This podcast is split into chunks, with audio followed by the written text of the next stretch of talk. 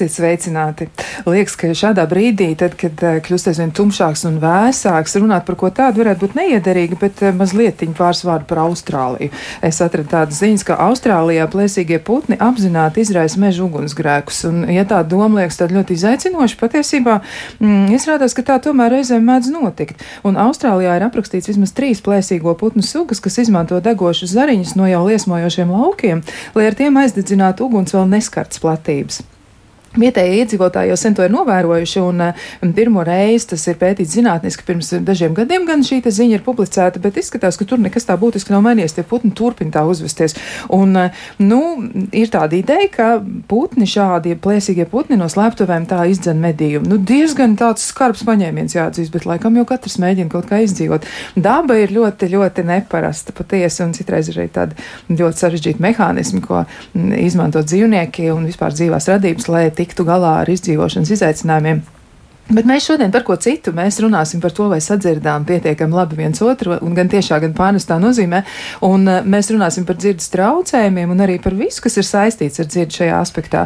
Un nav arī mums um, daudz jādomā par to, kurus viesus aicināt. Protams, mēs aicinām visus tos, kas ir dzirdes speciālisti un arī šajā jomā labi orientējas. Un uh, tāpēc esam aicinājuši studijā dzirdes speciālistu audiologu Nauri Veitu. Sveicināts! Labrīt!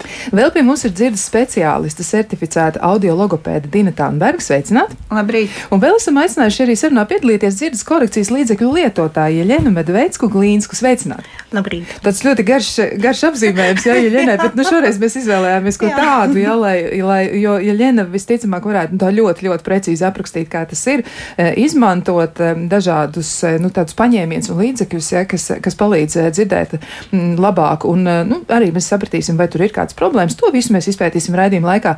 Ar jums šobrīd runā Kristiāna Lapiņa, raidījuma producente ir Loreta Bērziņa, bet pie skaņa pulca Ivets Zvēniec. Nu, tad tieši ar to varbūt es sākšu.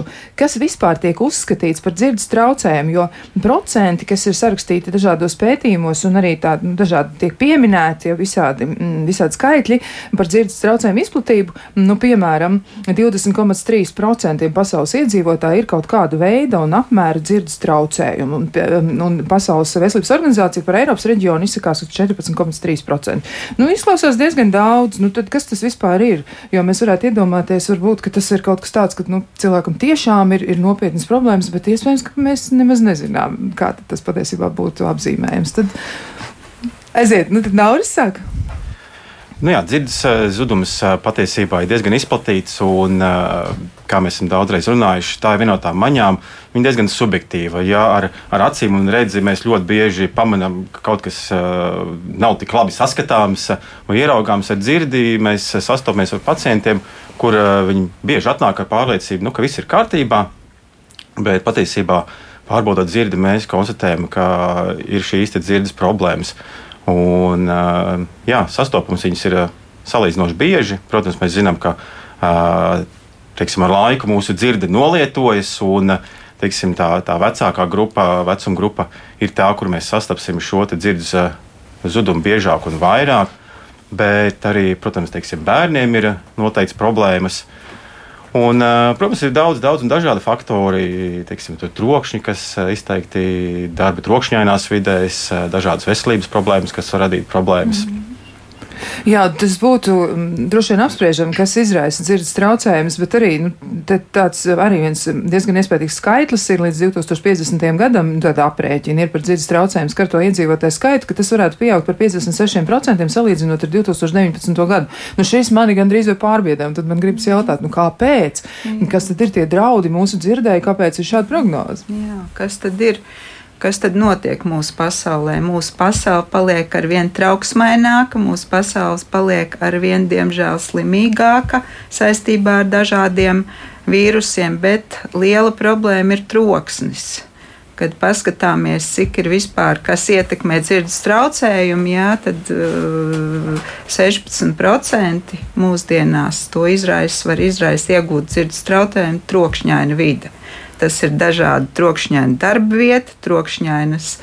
Trokšņaina vide, kā mūzikas klausīšanās, pieņemsim, jauniešiem, kas ļoti daudz klausās mūziku. Jā, jo, ja skatāmies, ja pieņemsim cilvēku sāpju slieksnis ir ap virs 85 decibeliem, ja, un cilvēks, kas šādā, šādā ska, līmeņa skaļumā atrodas ap 15 minūtēm, tas ir tā kā nostrādāt 8 stundas darba vietā, kur ir skaļš troksnis. Ja, šis troksnis tiešām ļoti ietekmē dzirdes traucējumus.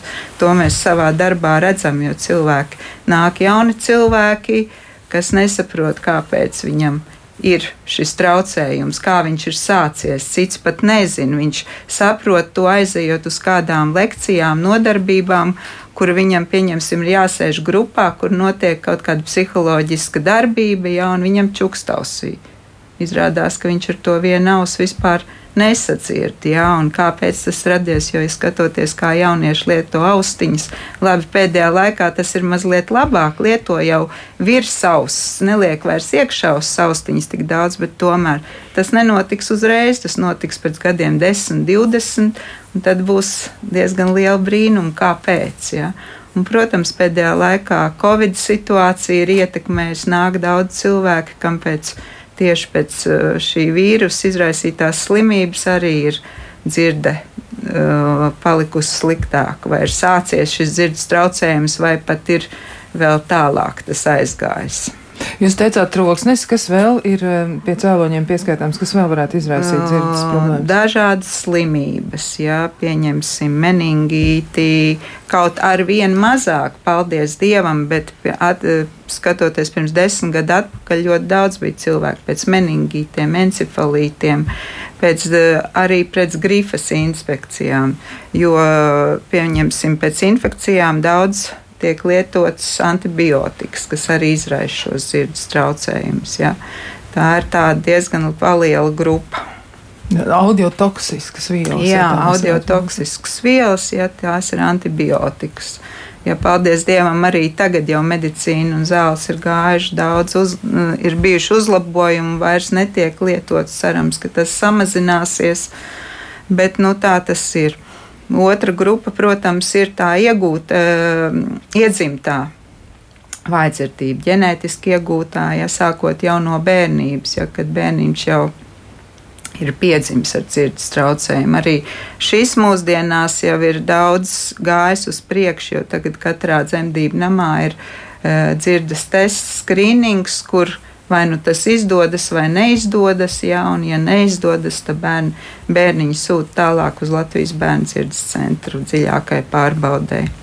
Kas raksturo normālu dzirdi? Varbūt, lai saprastu mēs, kā tas ir, kur tad ir tas dzirdes traucējums, kas raksturo normālu dzirdi un kur var to traucējumu pamanīt. Nu, piemēram, jūs teicāt arī par to, ka nedzird čukstu, jā, nu tad jā, tas tā nejauši tiek konstatēts kā ārsti saka, jābūt normāli dzirdi, kad cilvēks dzird čokstas balsis 6 metrus. Ja? Bet, nu, skatoties uz cilvēku kopumā, nu, tas ir jauniem cilvēkiem, protams, tas ir tā, bet ejot pēc gadiem, es domāju, 60, 65 stabili, tas vairs tā nebūs tie 6 metri. Ja?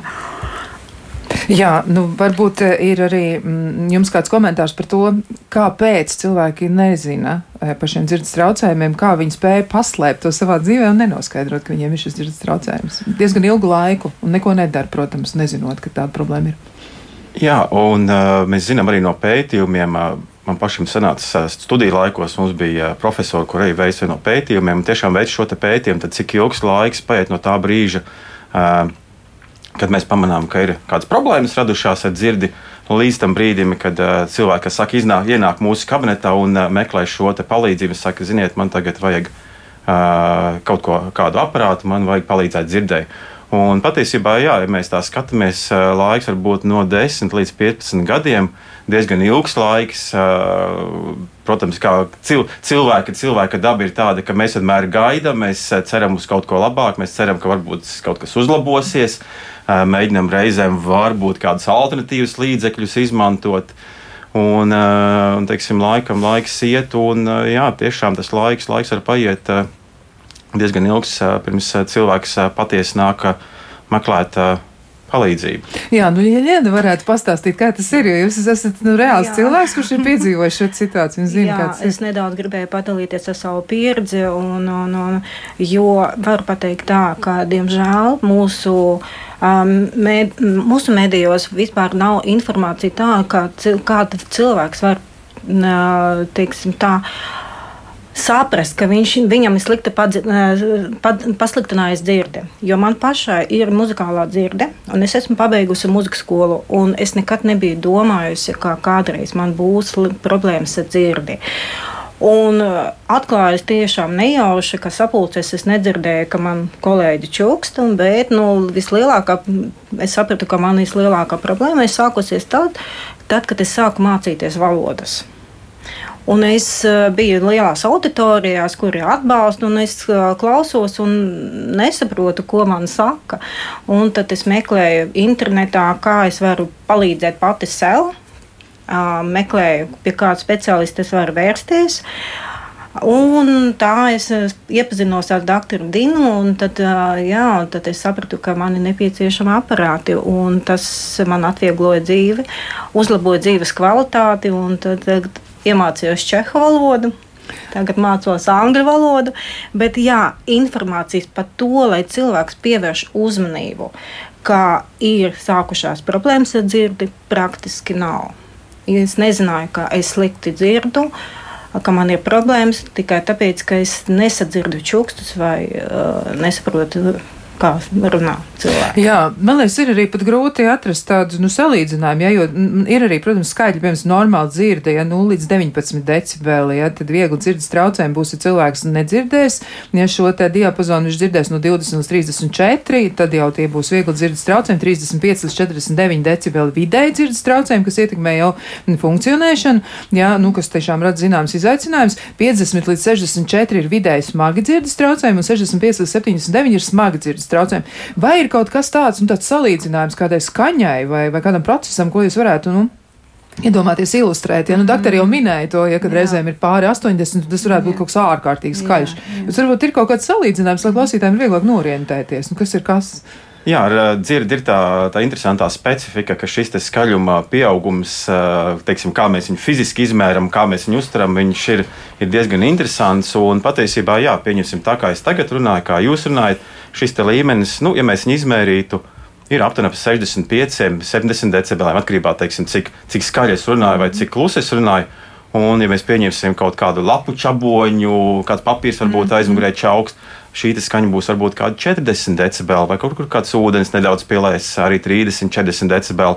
Un tā pašā laikā, ja es runāju, man balss ir ap 65, 70 decibeliem, kas it kā šķiet, nu, pēc tās skalas jau diezgan, diezgan zem ir, bet šis līmenis ir ērts. Bet, kā jūs minējāt, mums var būt šie 85 decibeli, it kā pēc cipriem. Nu, 10, 15 vienības vairāk, un pēkšņi, ja mēs esam šajā reģionā, kas patiesībā bojā, bojā mūsu dzirdi, un, nu, kas ir 85, tā būs skaļa trokšņaina iela, 100 decibeli būs. Ja stāv nezinu, blakus kādam instrumentam, motorzāģa, pļaujmašīnas, Jā, man jautājums Ieļenai, vai, vai jums ir arī kaut kāda hipotēze par to, un varbūt ārstiem ir arī atbildes to, kāpēc eh, jums radās dzirdes traucējumi? Um, jā, es esmu pieskaitām pie tās grupas, teiksim, tā, kas strādāja trokšņainā vidē. Bet, eh, kā jau minēju, es nekad nebiju domājis, ka man būs dzirdes problēma. Un, eh, teiksim, tā pirmā pazīme, ka ir pasliktinājusies dzirde, tomēr ir tā, ka tu runā ar uh, cilvēkiem un tev liekas, ka viņi nesaprotami tev kaut ko saka. Tā, tā ir pirmā pazīme, pie kura ir jāvēršās jau pēc palīdzības, lai uzlabotu savu dzīves kvalitāti.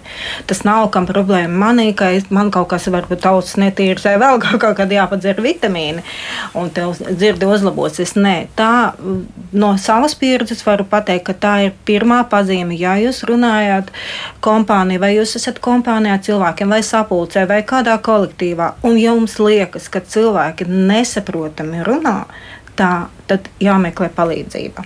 Jā, vai arī ir tādas nu, profesionāla grupas, kuras uzreiz nevar atpazīt, nu, piemēram, mūziķi tiešām. It kā liekas, nu, mūziķim dzirdi ir nu, absolūti nepieciešama, viņš nevar nekā, mm. bet tajā pašā laikā iespējams, ka tur ir zinām riski, jo, ja mēs saprotam, nu, trokšņaina vide, cilvēks strādā uz ceļa vai viņiem ir aparāti, kaut kāda tehnika, jā, tad jā. tas tā kā liekas loģiski. Mūziķi arī ir lielā riskā, starp citu, jo pēdējā laikā es jūtu, kad sūta mūzikas kolektīvs, sūta savus cilvēks uh, izgatavot aizsardzības ielikņus speciālos, ja, lai, lai pasargātu. Bet mūsu klientu lokā ir gan mūzikas skolotāji, gan uh, orķestru dalībnieki, gan arī popdziedātāji, ja dažādi mūzikas profesiju pārstāvji, jo viņu visu laiku ir nepasargāti no šī lielā trokšņa, kas ir apkārt. Protams, katrs adaptējās, kā viņš māk, un arī ne katrs mūziķis, kam varbūt ir šis traucējums, uzreiz vēlēsies kaut ko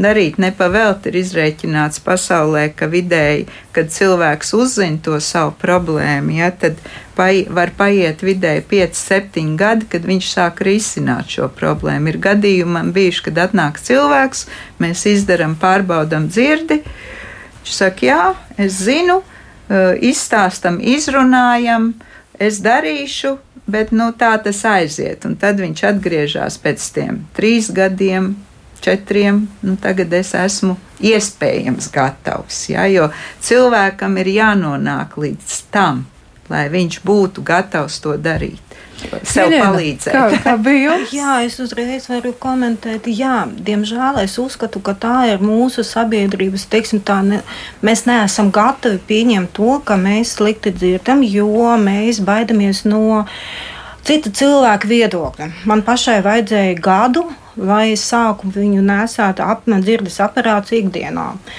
Jo man bija nērti, man bija kauns, man bija, es domāju par to, kā to uztvērs mani kolēģi vai kā uz mani paskatīsies uz ielas. Un te es varu pateikt lielu paldies savai meitiņai, Lauriņai, jo, teiksim tā, par lielu atbalstu, jo Kad mēs slikti redzam, mēs uzvelkam brilles un mēs redzam masmedijos reklāmu par to, kā jūs uzlabojat savu dzīves kvalitāti. Jūs varat redzēt, diemžēl tādas informācijas nav pat dzirdi, ka jūs varat palīdzēt sev un kā sabiedrībai Īstenībā ir vienalga, vai jums ir tie dzirdes aparāti vai nav, vai jūs nesat vai nē, bet jūs palīdzat sev. Jūs varat komunicēt, jūs varat dzirdēt putnus. Manā gadījumā, kad es sāku um, ikdienā izmantot dzirdes aparātus un uh, gāju pastaigāties pa mežu, es sadzirdēju putnus, ko nedzirdēju. Izrādās, es neesmu dzirdējis vairākus gadus. Es uzskatu, ka jā, pat šo tēmu varbūt nevajag teikt, ka tā ir problēma un ar to sastapās tikai uh, vecos gados cilvēki. Tā ir tiešām e, ir, nav tāda, tāda problēma, ko nevar atrisināt, ka mēs nevaram pilnvērtīgi dzīvot. Par to ir jārunā, par to es uzskatu, ka jātaisa reklāmas nevis tā, kā. Uh, tas ir tiešām tikai vecmāmiņai. Jūs varat uzdāvināt dzirdes aparātu, viņš labi jūs dzirdēs, varēs ar jums komunicēt. Bet tas, tas ka jūs varat atgriezties pie savas dzīves. Jā, tas ir būtiski. Jā, es, es pilnībā piekritīšu, jo vēl joprojām ir ļoti liela stigma attiecībā pret dzirdes aparātiem. Un, teiksim, tā no manas pieredzes ir tāda sajūta, ka ar dzirdes aparātiem mēs esam turpat, kur ar, teiksim, ar brillēm mēs bijām arī daudz, daudz gadus atpakaļ, nezinu, 30, 40 gadus atpakaļ, jo arī tajā laikā cilvēki paskatījās, ka tur ir brilles, un varbūt viņi nodomāja ne tā, un cilvēki nelabprāt lietoja. Tagad mums ir brilles, ir krāsainas, ir skaistas, un, un ir dizaini.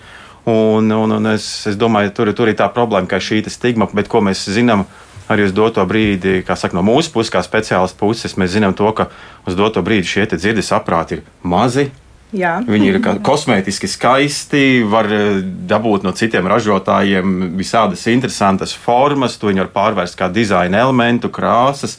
Un arī tā tehnoloģija, kas viņam ir iekšā, ir, ir, ir fantastiska, ko mēs šim cilvēkam varam iedot. Uh, bet, nu jā, pagaidām vēl joprojām mums, kā Elena teica, mums ir šīs informācijas, varbūt arī trūkums. Mums ir jāstrādā ar šo, te, ar šo problēmu, to, ka cilvēki nezina, kas tas ir lietot dzirdes aprātu un ka patiesībā ka tas nav nekas slikts, ka tas nav nekas briesmīgs un ka šis dzirdes aparāts neko sliktu šim cilvēkam nenodarīs. tikai būs ieguvējis šis cilvēks. Varbūt arī jūs varat izstāstīt par to principu, kāds tiek izmantots, jo ir diezgan svarīgi saprast, jo tur ir drusciņa fizika, drusciņa tur ir bioloģija, tur, tur viss kopā. Jā, varbūt, ka nu, var mēģināt tādos vienkāršos vārdos izskaidrot, kas tieši tiek izmantots un uz kādu principu tad būtībā balstās šī dzirdes korekcija, kas tiek lietots un arī tos par dzirdes aparātiem. Nu jā, tur ir principā divas, divas daļas. Viena daļa ir šī te, uh, tehniskā, praktiskā daļa, šī te tehnoloģija, un tad uh, Otrā daļa, protams, ir šī psiholoģija un teiksim, tas turpmākais darbs ar klientu. Bet jā, iesākumā ir pavisam vienkārši. Tiešām mums ir šī dzirdes pārbaude, kur mēs nosakām šo dzirdes slieksni, un tad mums ir šīs dzirdes aprāts, kur mēs viņu Uh, uzstādām atbilstoši šim dzirdes, dzirdes zudumam.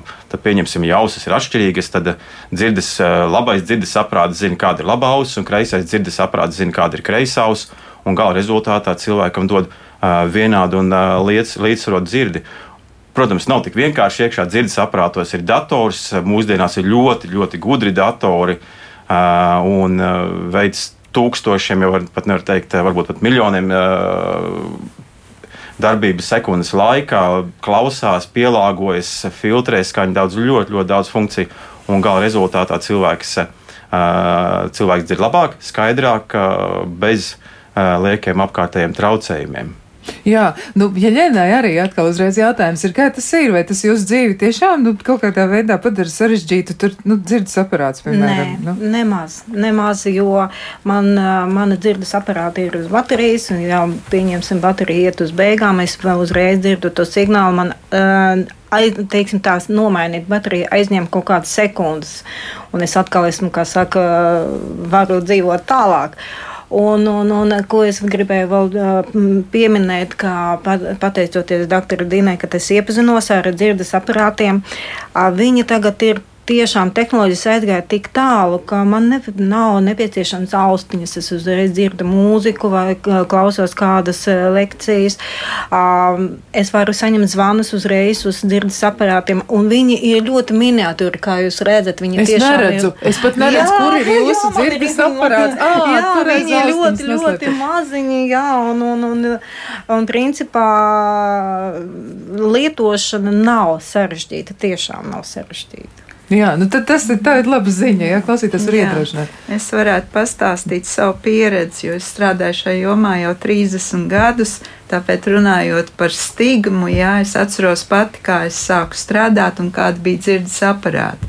Viņi bija tiešām lieli, viņi bija uh, cilvēkiem lielai daļai nu, ne īsti piemēroti. Jā, uz vietas mēs viņus pielāgojam. Cilvēks priecīgs teiks, jā, es dzirdu, ir labi pēc pāris nedēļām viņš atnāk un saka, ko jūs man uzlikāt. Es nevaru uz ielas, es nevaru, jo, protams, tas troksnis pār, bija pār, pāri valodai, ja, jo kas tad mums ir galvenais? Kas mums ir galvenais? Galvenais ir sadzirdēt runāto. Un lielākais ienaidnieks. Uh, Vispār klausīšanās procesā ir kas? Tas ir troksnis, trokšņaina vide arī cilvēkiem ar normālu dzirdi, bieži vien ir kur nu vēl dzirdes aparātu lietotājiem. Tas, Tā ir ļoti liela, bieži vien problēma klausīties, eh, komunicēt trokšņainā vidē. Tāpēc mūsdienās dzirdes aparātiem šīs tehnoloģijas ir izveidotas tā, ka, ja pirms 10, 15 gadiem runāja, eh, svarīgi bija, cik eh, frekvenču kanāli ir dzirdes aparātā, tad tagad runā, kādas ir vides var piedāvāt, jo uh, dzirdes aparāts pats automātiski pielāgojās vidē. Piemēram, mēs šeit sēžam klusumā, viņš strādā kā klusai vidē. Izejot uz ielas, viņš e, pats saprot, ka tur ir trokšņains, viņš pats pārslēdzās. Ja. Protams, ar to ir jābūt ļoti uzmanīgiem, ja, jo ir dažādi cilvēki. Pieņemsim, ja cilvēks ilgstoši bija lietojis kādu zemāku tehnoloģiju, ilgstoši, jo smadzenes pierod. Cilvēks atnāk, viņš saka, es vēlos labāk, es vēlos, lai troksnis man netraucē, es vēlos labāk dzirdēt, saprast, saprast valodu, bet smadzenes ir pieradušas pie iepriekšējās tehnoloģijas. Ja viņš, pieņemsim, desmit gadus ir lietojis kādu dzirdes saprātu, Uzlie, uzliekot, pielāgojot, izmēģināt cita veida aparāti. Jā, man ir bijis gadījums, ka cilvēks, jā, viss labi, iz, Bet izējot uz ielas, kur momentāli ir troksnis, viņš burtiski atlec atpakaļ. Viņš saka, kas notika? Man viss palika kluss.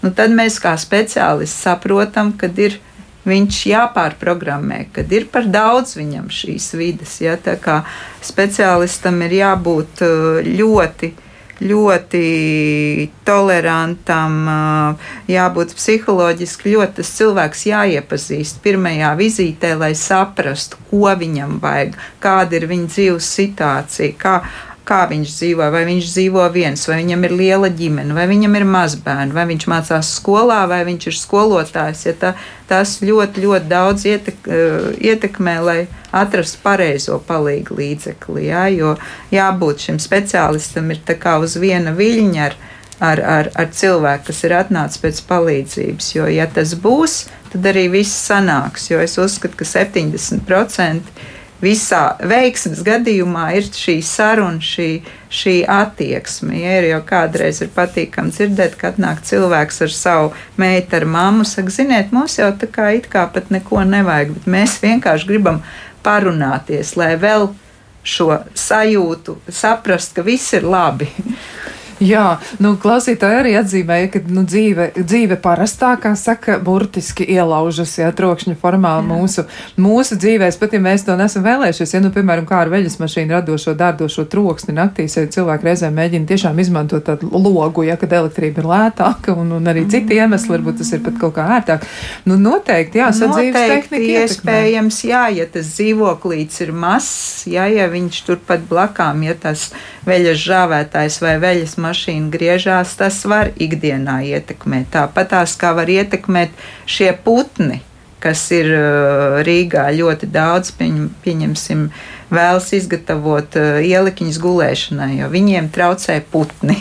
Jā, jā, jā, tas jā. ir risinājums, ja jā, to var izmantot. Jā. Nu, vēl arī piedāvājums jau par to vājdzirdības konstatēšanu, par to mēs arī drusciņi parunāsim vēl, jā. bet nu, tāds piedāvājums, bet man liekas, ka tā arī realitāte varētu notikt, ja, jo, ja mēs reizes gadā pagodinam ģimenes ārstu ar savu klātbūtni, ja tad ģimenes ārstam ikgadējā profilaktiskajā apskatē jāpārbauda pacienta dzirdi čukstus balsī, ja no 6 metru attāluma, tieši kā doktor teica, ja, un tādā veidā var arī konstatēt dzirdes izmaiņas. Nu, noteikti var jau arī to iespējams, jā, jā, iespējams, ka to var darīt, bet zinot ģimenes ārstu lielo noslodzi, Ak. vai tas vienmēr izdosies tā, tas ir uh, tā īsti, jā, iespējams, jā, bet, man protams. Liekas, ja Ļēnas pieminētā, nu, tā, tā, tas pieminētais veids, jā, tas kritērijs, ka tā kā kļūst nesaprotams, jā, tas, ko cilvēks runā. Cilvēku, jā, runa, jā. Un, Un es laikam gribu vēl piebilst uh, doktorai Dinai, ka uh, jā, speciālistam jābūt ļoti, ļoti labam psihologam, jo uh, es neuzreiz atnācu pie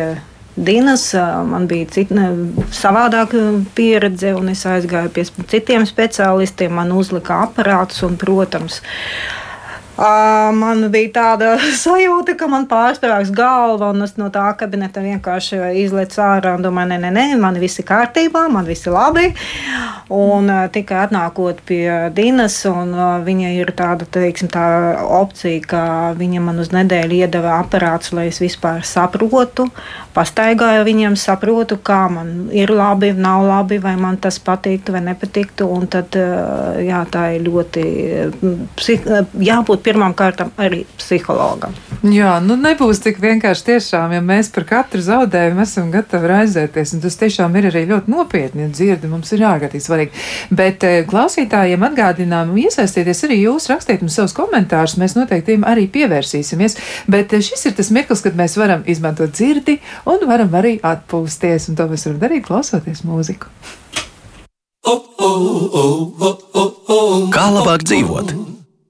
Mēs turpinām sarunu par dzirdi, dzirdes korekcijas iespējām un arī par to, kā saradināt sevi ar domu, ka ir jāpalīdz pašiem sev labāk dzirdēt, saklausīt putnus, varbūt eh, pēc kāda laika, vai labāk dzirdēt mūziku, vai arī turpināt darbu orķestrī. Galu galā tas taču ir nu, pat par pašu dzīvi.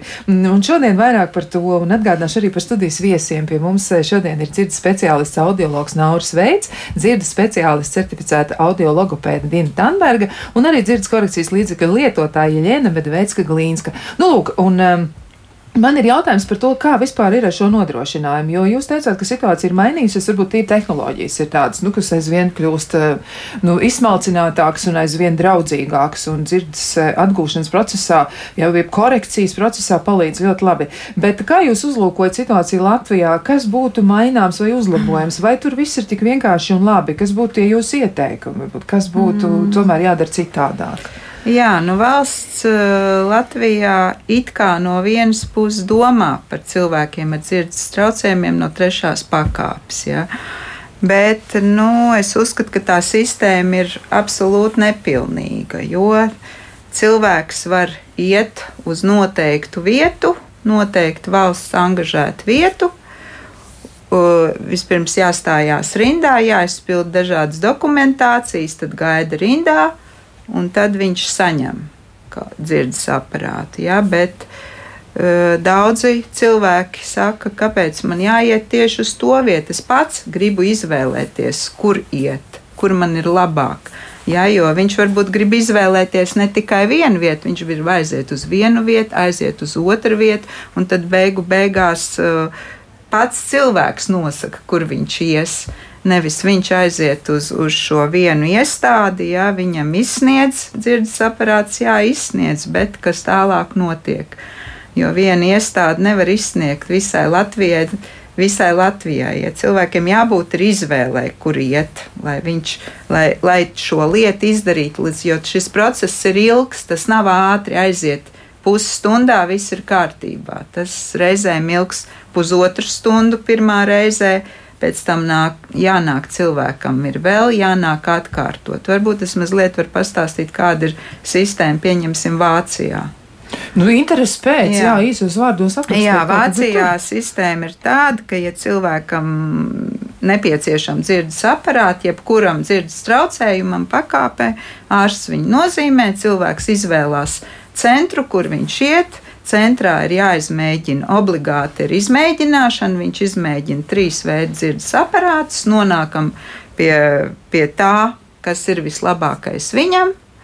Un tad pēc tam vēl cilvēks aiziet atpakaļ pie speciālistiem, un jā, beigās nolēmjam, kad, kad, kad šie dzirdes aparāti ir mani. Un tad, kad tas ir tas pozitīvais no klienta lēmums, ir, tikai tas uzņēmums, kas viņam ir izsniedzis dzirdes aparātu, saņem no valsts naudu. Ja?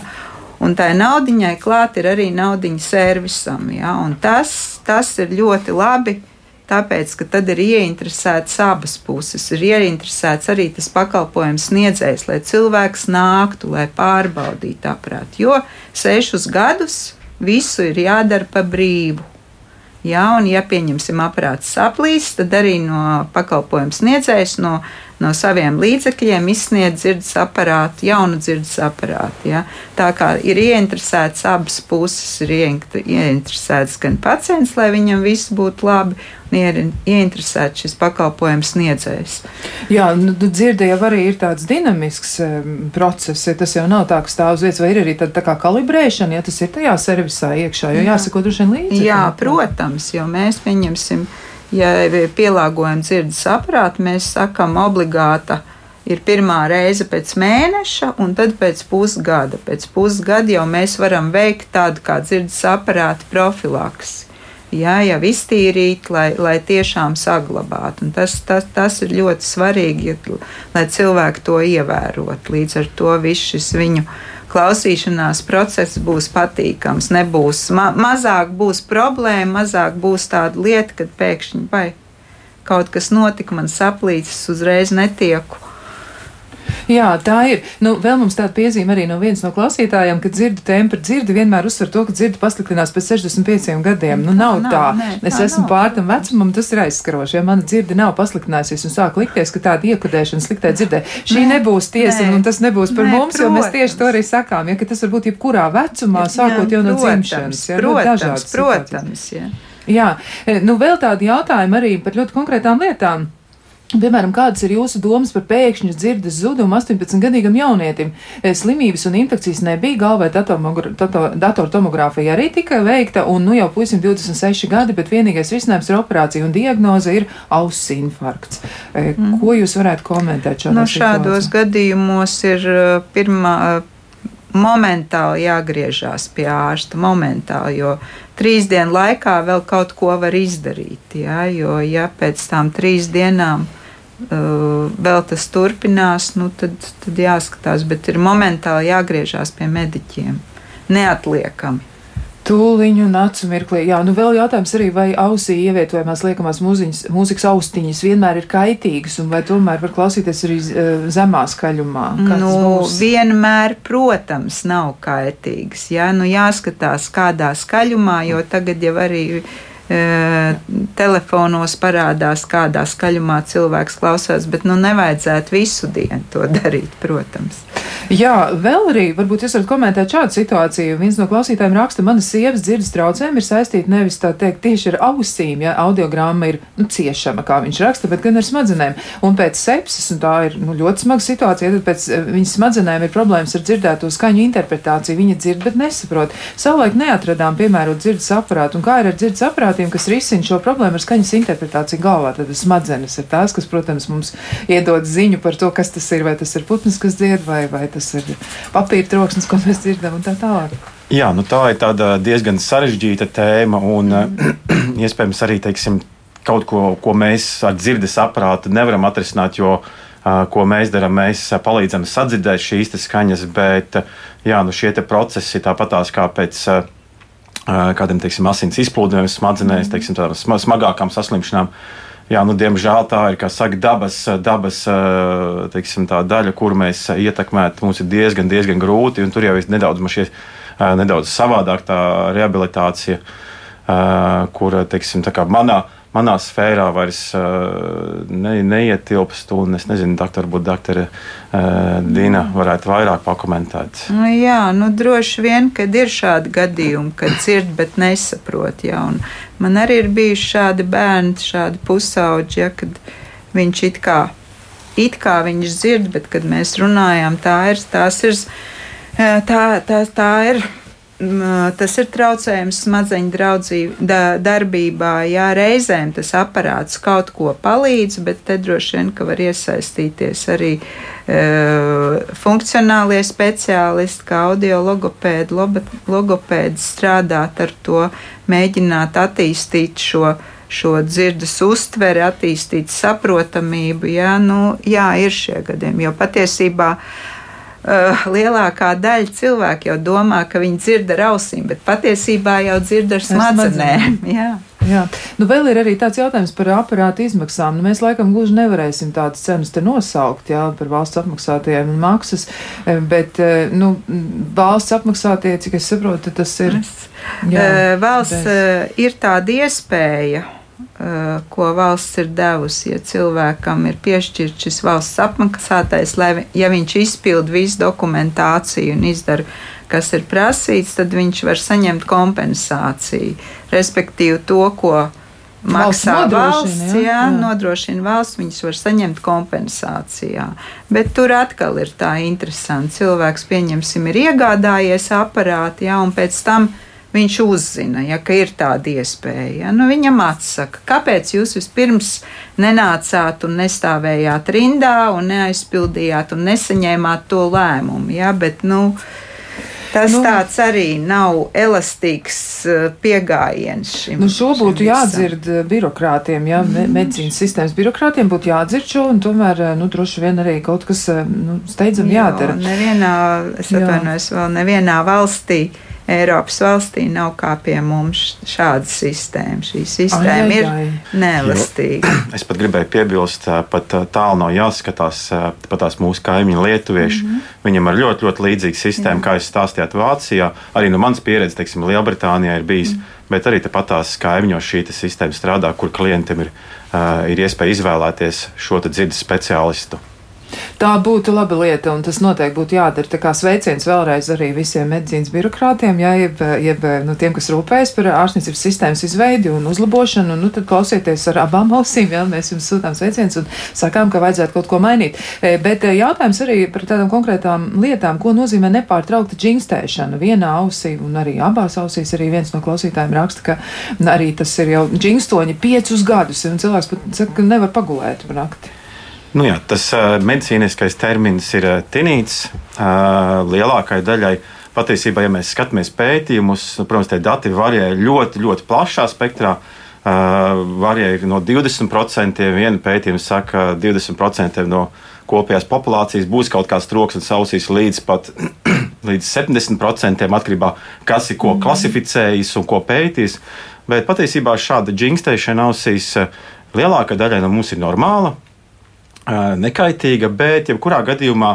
Uh, bet, ja nevar būt, pagulēt, jā, nu, protams, jebkurā gadījumā, kā es gribēju teikt, obligāti būtu jāveic dzirdes pārbaude, lai mēs precīzi saprastu, vai ir dzirdi visi kārtībā, vai ir kādas citas vēl sūdzības, kādas citas grūtības, un vai varbūt ir nepieciešama tālāk izmeklēšana.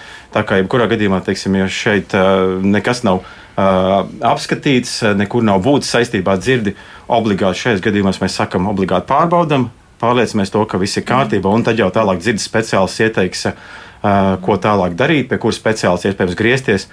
Un, uh, jā, tāds būtu labākais veids. Jā. Es vēl varu piebilst, jā, jo šie cilvēki ar trokšņiem ausīs ir dažādi. Ir ļoti nervozi cilvēki, kas vēlas atrisināt. Viņš jau zina, viņš jau ir iztaigājis visus speciālistus, viņš zina, ka tā ir un būs, un viņš grib at atrisināt tūlīt un tagad. Uh, Tā, protams, arī nenotiek, bet, ja, piemēram, ir troksnis ausī un arī dzirdes traucējums, kas ļoti bieži iet roku rokā, jo reizēm pat tas troksnis ir sabojājis dzirdi, ja tieši augstās skaņas. Ja. Pielāgojot pareizi dzirdes aparātu, dzirdes aparāts var palīdzēt, jo auss sāk darboties citādāk, un cilvēks saka, jā, man šis troksnis vairs viņš ir, viņš kaut kur ir bet es viņu tā neizjūtu. Ja? Jā, nu par iemesliem runājot, arī varbūt ļoti īsos vārdos jūs varat komentēt, jo var arī gadīties, ka tur ir kas cits. Viena no klausītājiem raksta, ka jāpārbauda obligāti ir galvas un kakla asinsvadi. Jā, jā tieši tā, jā, bieži vien arī ārsti neirologi sūta uz šīm pārbaudēm, uz kompjuteru tomogrāfiju, rez magnetisko rezonansi skatās. Kā. Jā, e, mums ir klausītājs zvans, mēs tuliņ arī uzklausīsim. Lūdzu! Mēs, mēs, mēs labprāt dzirdētu, bet laikam kaut kur kaut kas ir, ir pazudis izplatījumā. Tas nekas. Eh, mēs varam arī nu, pamēģināt vēlreiz, un, ja nesanāks, nu nekas varbūt atsūtiet komentāru, gan jau kaut kā sazināsimies. Bet eh, vēl viens jautājums ir par to, nu, arī tāds konstatējums, ka viena no klausītājiem raksta, viss sliktāk ir teātrī. Tā jau ikdienā it kā dzirdu, bet teātrī pēdējos gados aktieri tik neskaidri runā, ka reizēm neko nesaprot. Varbūt tas nebūs par aktieriem, bet varbūt tur ir vērts pārbaudīt dzirdi.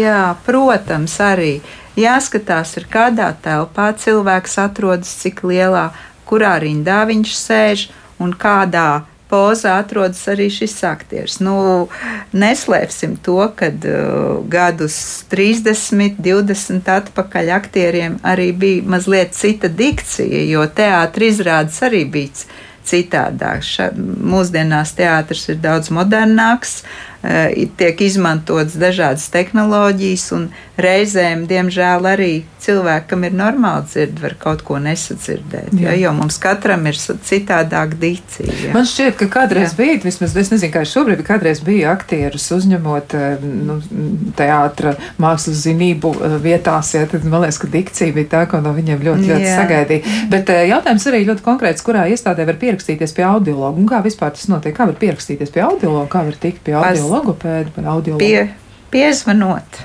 pa tālruni. piezvanot pa tālruni. Ja, tā tad var, nu, var arī internetu izmantot, rakstīt, var arī ģimenes ārstam uzjautāt. Jā. jā. Var atrast. Labi, e, vēl jautājums arī par valodām. Nu, līdzīgi kā Jeļena pieminēja par um, savu pieredzi, un viena no klausītājām raksta, ka viņa jau nu, pasen ir pamanījusi, ka nespēja iemācīties angļu valodu, un tikai tāpēc, ka nesadzird šīs jā, skaņas. Jā. Latviešu un krievu valodu dzird, bet angļu valodas skaņas jā. jūka vienā, vienā putrā, kā viņa raksta. Vai tomēr tā ir, vai tā varētu būt dzirdes problēma, vai tas ir kaut kas vēl? Varētu būt, jo angļu valoda ir tieši vairāk vērsta uz augsto skaņu frekvencēm. Ja? Jūs kā esat Anglijā strādājis? Jā, tas ir labi. Varbūt dažam labam klausītājam būs vieglāk ap sirdi. Jā, es gribēju teikt, man tiešām pašam sanāca sastapties ar klientu, ar, ar kungu, kurš viņš bija itālis. Viņš tiešām ir pārbaudījis, viņš saka, ziniet, es jau cik gadus es mācos un es nevaru iemācīties angļu valodu. Un viņam patiesībā šī, vai mums bija pat, pat pirmā dzirdes pārbaude, uh, Un beigās viņam izrādījās, ka viņam tiešām bija diezgan smagas pakāpes dzirdes zudums. Un patiesībā Tas bija tas iemesls, visdrīzāk bija tas iemesls, kāpēc viņš nespēja šo angļu valodu pareizi un uh, ātri un veiksmīgi iemācīties. Jā, nu tas varētu būt arī viens no būtiskiem skaidrojumiem, jo dažos gadījumos mēs varbūt nu, pieprasām no savām atvesēm, lai viņi tur visu var, bet jā. ir vērts pārbaudīt dzirdi. Jā, Droši tā. vien arī to vajadzētu darīt iespējami agrāk, lai noķertu ja, tos dzirdus. Tieši tā, tieši tā. Piekrītu tam, jo doktora Dīna man paskaidroja, ka pareizi mēs dzirdam ne tikai ar ausīm, bet ar smadzenēm, un mēs saprotam uh, savu valodu, bet, kad mēs sākam mācīties, tad mēs sastopamies ar tādām grūtībām, ka mēs nesaprotam.